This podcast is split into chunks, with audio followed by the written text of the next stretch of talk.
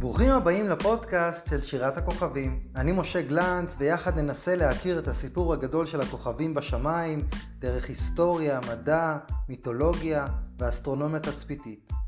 אנחנו בפרק השני, והפעם בואו ננסה להבין ביחד מה בעצם אנחנו רואים שם למעלה. מן הסתם, כל אחד ואחת מכם יודעים או שמעתם את הקטע בסרט מלך האריות. בוטימון, סימבה ופומבה שוכבים להם על הגב ומסתכלים למעלה.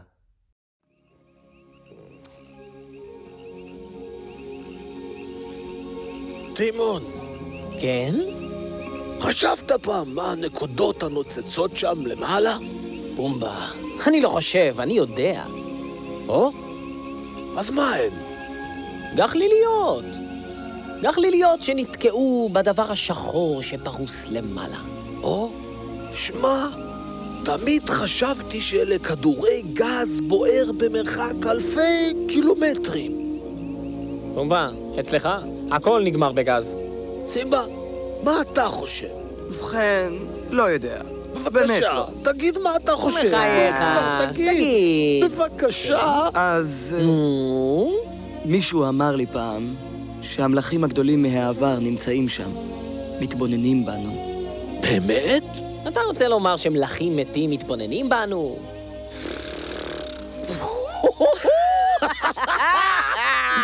מי סיפר לך דבר כזה? איזה טיפש המציא את זה? כן, זה די טיפשי, אה? הוא הורג אותי! כן, נכון.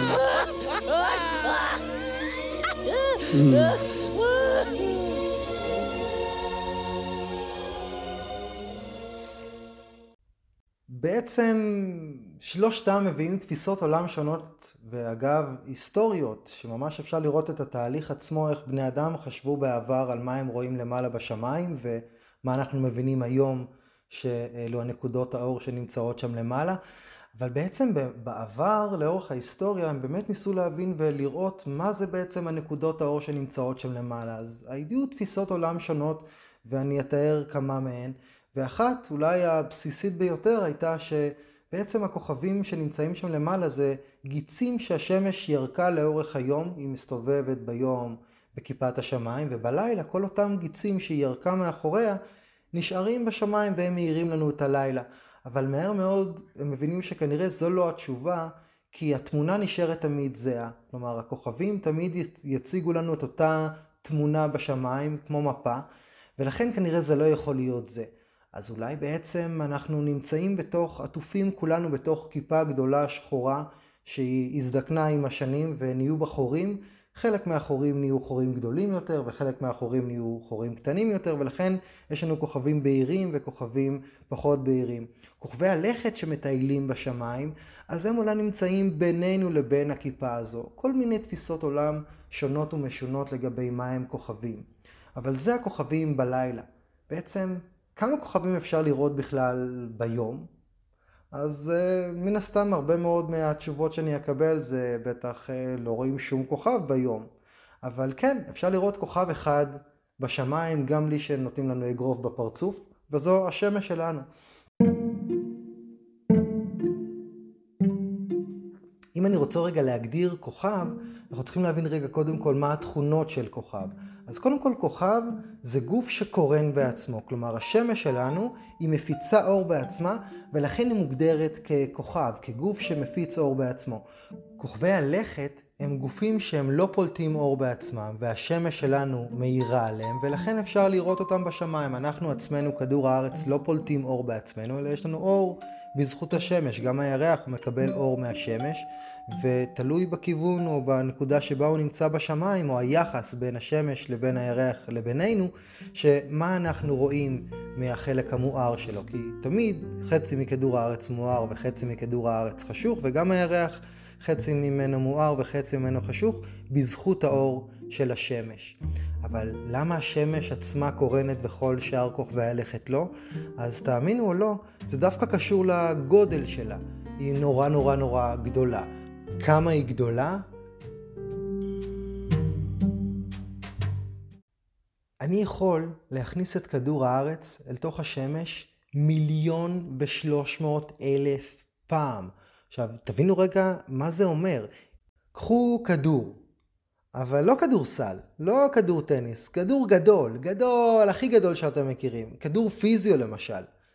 קחו את הכדור הזה, שקופצים עליו, יושבים עליו, ותזרקו פנימה אפונים של סנפרוסט, אבל לא הרגילים, אלא הקטנים הקטנים. זה עדיין לא יהיה מיליון ושלוש מאות אלף אפונים בפנים. כדור הארץ הוא ממש פיקסל ביחס לשמש. עכשיו, השמש לא גדולה רק ביחס אלינו, אל כדור הארץ, אלא ביחס אל כל מערכת השמש. אם אני עכשיו לוקח את כל כוכבי הלכת במערכת השמש, את צדק ואת שבתאי ואת אורנוס, נפטון, את מאדים ואת נוגה, את כוכב חמה, את כל האסטרואידים, את כל החומר שאנחנו מכירים במערכת השמש, ואני אשים בתוך השמש, זה עדיין לא יתפוס אחוז מהגודל שלה. היא נורא נורא נורא גדולה. ובגלל שהיא כל כך כל כך גדולה, אז גם כוח המשיכה שלה הוא עצום. ובואו רגע נבין מה זה אומר. אם אני עכשיו רוצה לקפוץ מכדור הארץ לכיוון הירח, אני אצטרך לקפוץ ממש ממש ממש ממש מהר וחזק כדי להתנתק מכוח המשיכה של כדור הארץ. אם אני אקפוץ אני אחזור חזרה.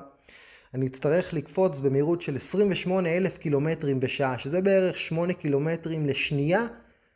זו המהירות שאני אצטרך כדי לברוח מכוח המשיכה של כדור הארץ. אבל אם אני עכשיו אני אעמוד על הירח, אז אני אקפוץ את אותה קפיצה שעשיתי פה, אבל אני אגיע לגובה של פי 6 מאשר בכדור הארץ, בגלל שכוח המשיכה של הירח הוא הרבה יותר קטן מהכוח המשיכה של כדור הארץ, כי הוא גם הרבה יותר קטן מאיתנו. ואגב, גם המשקל שלנו יהיה על הירח שישית מהמשקל שלנו בכדור הארץ, ככה שזה לא בהכרח דבר כל כך רע להיות על הירח.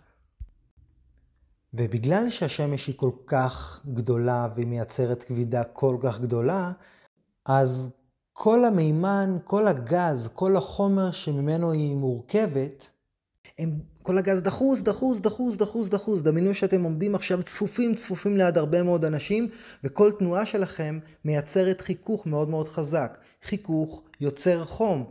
ואז מה שקורה בליבת ליבת השמש, שם הטמפרטורה גם מגיעה ל-15 מיליון מעלות בגלל שכל כך כל כך צפוף שם.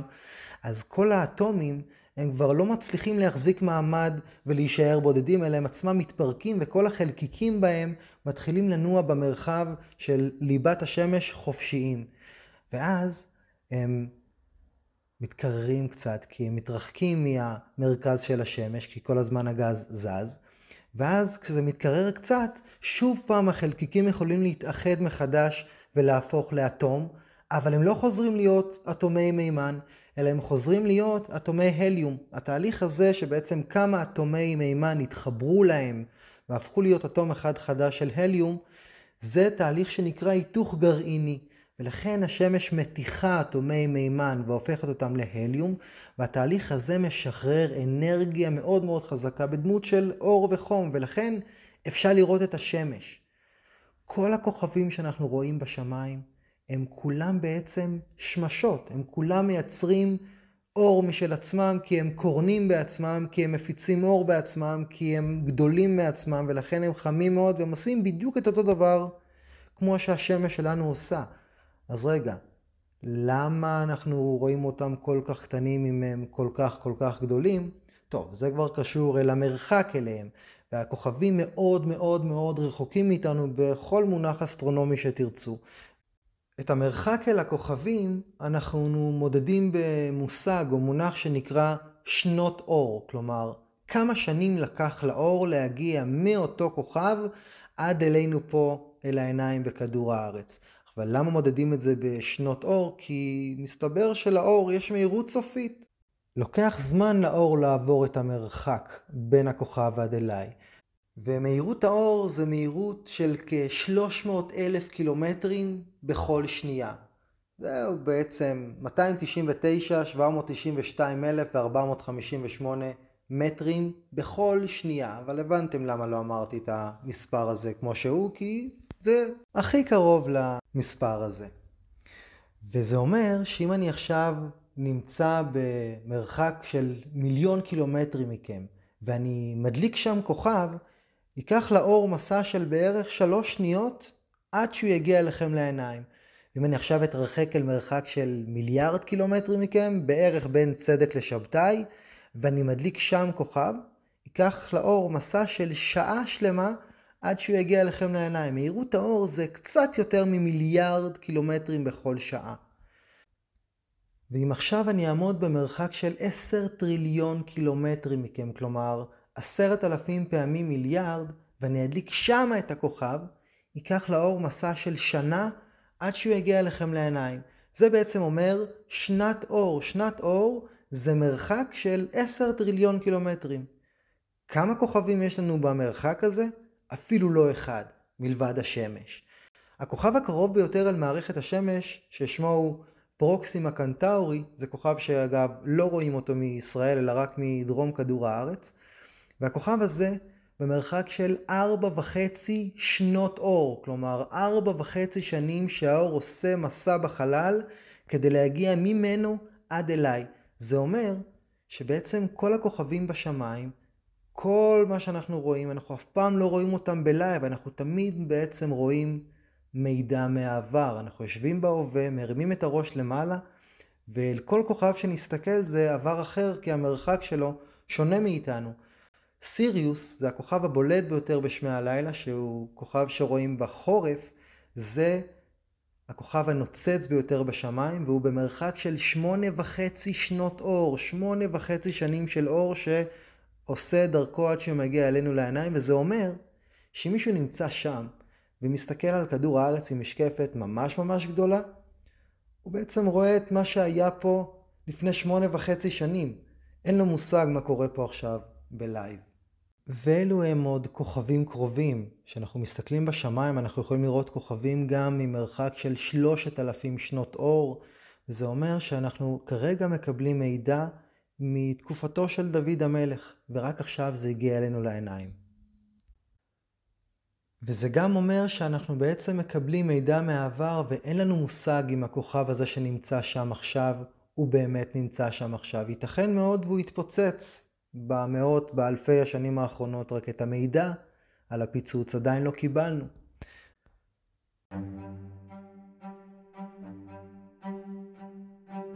בשנת 1054, אסטרונומים סינים וערבים מתעדים כוכב חדש. כוכב שלא הופיע לפני כן בכיפת השמיים, פתאום הם רואים אותו. הכוכב הזה בתוך ימים ספורים הפך להיות אחד מהכוכבים הבולטים בכל כיפת השמיים. וזה כוכב שאז היה בתוך קבוצת הכוכבים שנקראת שור, אחת מקבוצות כוכבי גלגל המזלות, אני אדבר על קבוצות כוכבים באחד מהפודקאסטים הבאים. והם כינו את הכוכב הזה נובה, כלומר כוכב חדש, נובו. אחרי בערך שלושה שבועות הוא התחיל לדעוך ולדעוך ולדעוך עד שהוא נעלם להם מהשמיים, ובעצם הם קראו לכוכב הזה כוכב חדש. אבל בעצם מה שהם ראו זה כוכב שהתפוצץ שבעת אלפים שנה קודם לכן בתור סופרנובה. סופרנובה זה אירוע מאוד מאוד מאוד נדיר שמתרחש בממוצע אחת למאה שנים בגלקסיה שלמה. עם מאות מיליוני כוכבים, רק אחד כזה התפוצץ אחת למאה שנים לערך. והם ראו את האירוע הזה. אבל הם ראו פיצוץ של כוכב, כלומר כוכב שהשמיד את עצמו ונעלם, אבל האירוע הזה קרה לפני 7,000 שנה, כי המרחק של הכוכב הזה מאיתנו הוא 7,000 שנות אור. תחשבו איזה אירוני. הם בעצם ראו אירוע מהעבר, ושל כוכב שהתפוצץ וסיים את חייו, והם כינו אותו נובה, כוכב חדש. מוזר קצת, לא?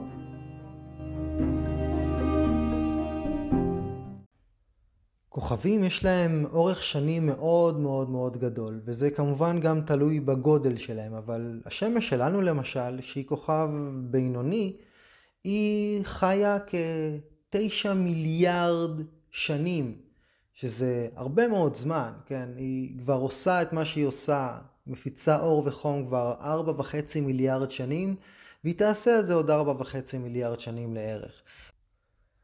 כוכבים בגדול חיים הרבה מאוד שנים, והם נוצרים בתוך ענני גז גדולים מאוד שנמצאים בכל גלקסיה, העננים הללו יוצרים את הכוכבים כי הם עשויים מגז ואבק, ולאט לאט אותם אה, חלקיקים בענן נדבקים אחד אל השני והופכים לייצר איזושהי מסה, ואז לאט לאט עוד ועוד ועוד ועוד אבק וגז שנמצא בסביבה, גם הוא אה, אה, הולך ונצמד אל אותם גופים שהולכים וגדלים, כמו כדור של שלג שהולך ומתגלגל אה, במורד ההר. בסופו של דבר כשהם מגיעים לגודל מספיק גדול ואז מתחיל להיות מאוד מאוד חם בפנים, הם מתחילים לקרון אה, בדיוק בתהליך שתיארתי אותו קודם. וכוכבים יש בכל גלקסיה, יש מאות מיליארדי כוכבים. בגלקסיה שלנו, גלקסיית שביל החלב, יש כ-200 מיליארד כוכבים. השמש שלנו היא רק כוכב אחד מתוך אותם 200 מיליארד כוכבים אה, שנמצאים בגלקסיית שביל החלב. וגלקסיות כמו שלנו, כמו שביל החלב, יש מאות מיליארדים. עכשיו תחשבו כמה כוכבים יש. יש, בואו נדמיין רגע, אם אני לוקח עכשיו את כל גרגירי החול בכדור הארץ ואני סופר אותם אחד אחד אחד אחד, אני עדיין לא מגיע למספר של כמות הכוכבים שיש ביקום. יש המון המון המון כוכבים. השמש שלנו היא רק אחת מהכוכבים הללו. ואפשר גם לראות, אם אנחנו נסתכל לשמיים, אנחנו נוכל לראות שיש כוכבים בצבע יותר כחלחל, ויש כוכבים שהצבע שלהם יותר צהבהב או יותר אדמדם. והכוכבים בעצם גם הם יש להם צבעים שונים, וזה קשור כמובן לטמפרטורה שלהם. כוכב חם מאוד הוא יקרון ב... בואו ננחש רגע ביחד, בכחול, דווקא בכחול. זה הפוך מהברז של האמבטיה בבית. אנחנו רגילים לזה שכשאנחנו פותחים את הברז הכחול אז יוצאים לנו מים קרים, וכשאנחנו פותחים את הברז האדום יוצאים לנו מים חמים, אבל אצל כוכבים הצבע שלהם זה בדיוק הפוך. כי בעצם אנחנו יכולים לראות את זה מהגז שאנחנו מבשלים. כשאנחנו מדליקים ומכינים פסטה, אז האש שתצא מהלהבה, או הלהבה תהיה בצבע כחול. אם אני אדליק מדורה בחוץ, שם האנרגיה תהיה פחות מרוכזת, אני אקבל להבה יותר צהובה אדומה, ובעצם זה אומר שככל שהאובייקט פחות חם, ככה הצבע שהוא מקרין הוא יותר אדום, וככל שהאובייקט יותר חם, ככה הצבע שהוא יקרין יהיה יותר כחול, ואפשר לראות את זה בשמיים. פשוט תצאו לילה ותסתכלו על הכוכבים ותנסו לראות בעצמכם שהכוכבים הבולטים יותר, אפשר ממש להבחין בצבע שלהם בין כחול עד דרך צהוב ואפילו אדמדם ממש אה, בכוכבים.